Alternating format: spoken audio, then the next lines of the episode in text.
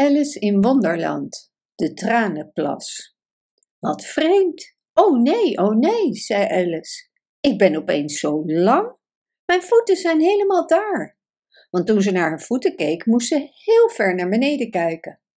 Ik kan niet meer voor jullie zorgen, voeten. Ik ben te ver weg om voor jullie te zorgen. Maar ook al kan ik niet voor ze zorgen, dan moet ik wel aardig tegen ze zijn, dacht Alice. Anders lopen ze straks niet meer zoals ik wil. Weet je wat? Ik geef ze elke kerst een paar nieuwe schoenen. Ze stopte om na te denken hoe ze de schoenen zou sturen. Ze moeten per post, dacht ze.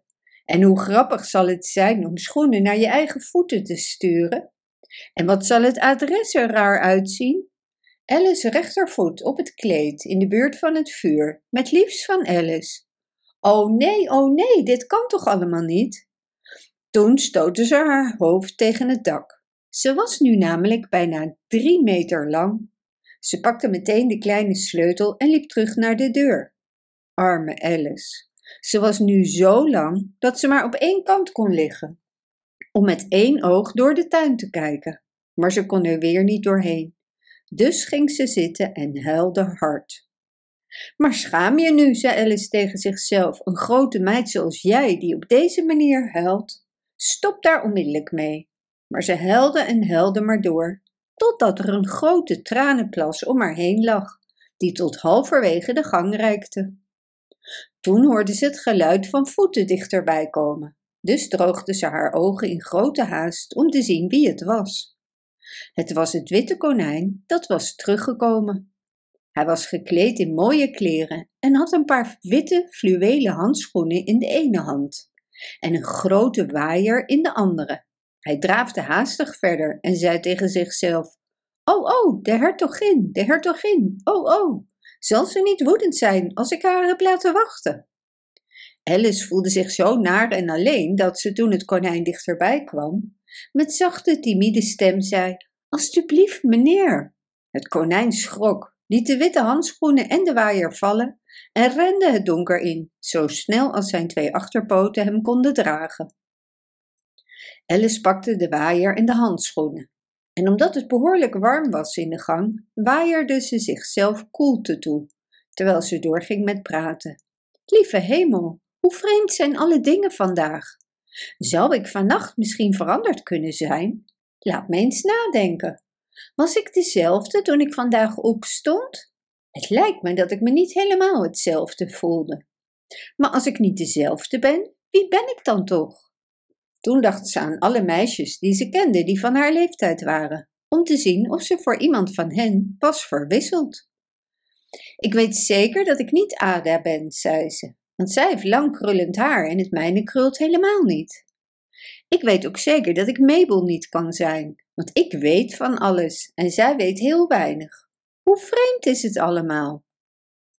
Ik zal het eens proberen met alle dingen die ik vroeger wist. Eens kijken. 4 keer 5 is 12. En 4 keer 6 is 13. En 4 keer 7 is. Oh nee, oh nee, dat is niet goed. Ik moet echt veranderd zijn. Dan zal ik maar proberen een liedje te zingen. En ze probeerde de tekst te zeggen, maar haar stem was schor en vreemd en de woorden kwamen niet. Ik weet zeker dat dit niet de juiste woorden zijn, zei de arme Alice en haar ogen vulden zich met tranen terwijl ze verder ging. Dan moet ik toch Mabel zijn. En zal ik in dat nare huis moeten gaan wonen en geen speelgoed hebben om mee te spelen? Nee, ik heb een besluit genomen. Als ik Mabel ben, blijf ik liever hier beneden. Ik zal omhoog kijken en vragen: Wie ben ik dan? Vertel me dat maar eerst. En als het me bevalt, dan kom ik pas naar boven. Zo niet, dan blijf ik hier beneden net zolang tot ik iemand anders ben. Maar, oh nee, oh nee, riep Alice met een nieuwe uitbarsting van tranen. Ik vind het hier beneden helemaal niet leuk. Ik ben deze plek zo zat. Terwijl ze dit zei, keek ze naar haar handen en zag ze dat ze een van de witte fluwelen handschoenen van het konijn had aangetrokken terwijl ze aan het praten was. Hoe kan ik dat gedaan hebben, dacht ze. Ik moet weer klein zijn geworden.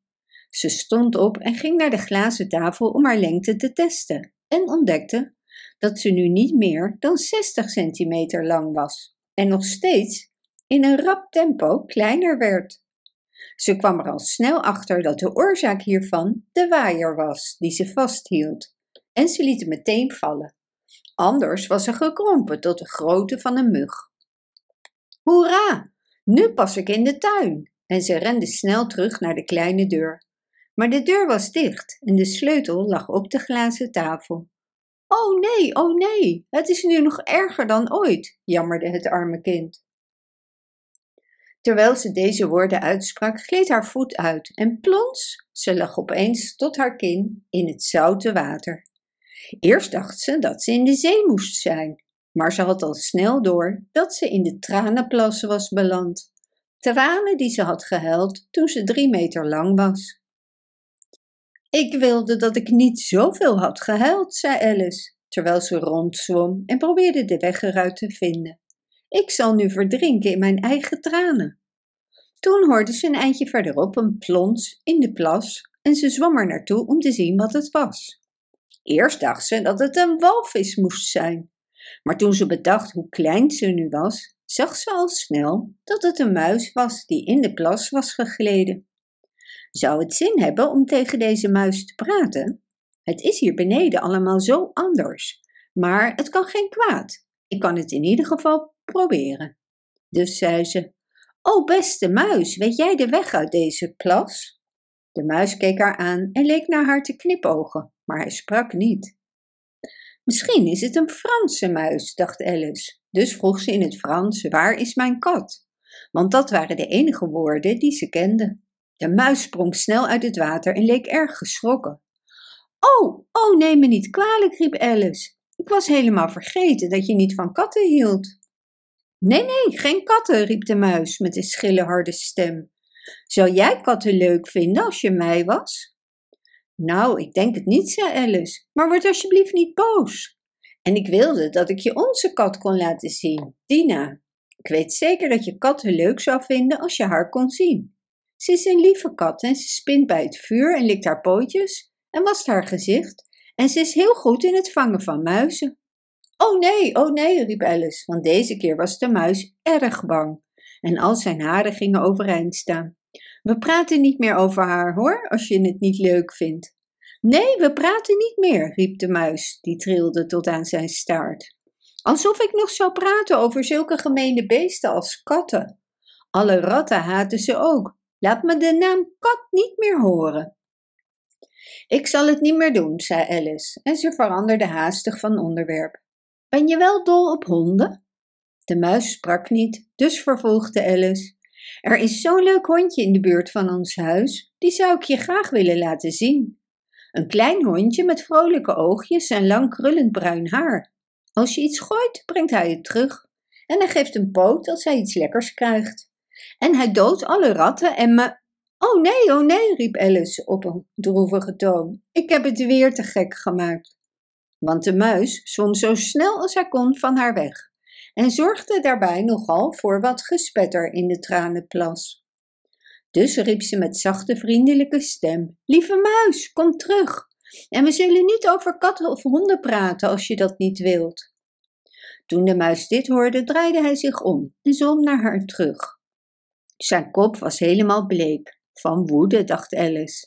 En hij zei met een lage, zwakke stem: Laten we naar de kant gaan. Dan zal ik je vertellen waarom ik een hekel heb aan katten en honden.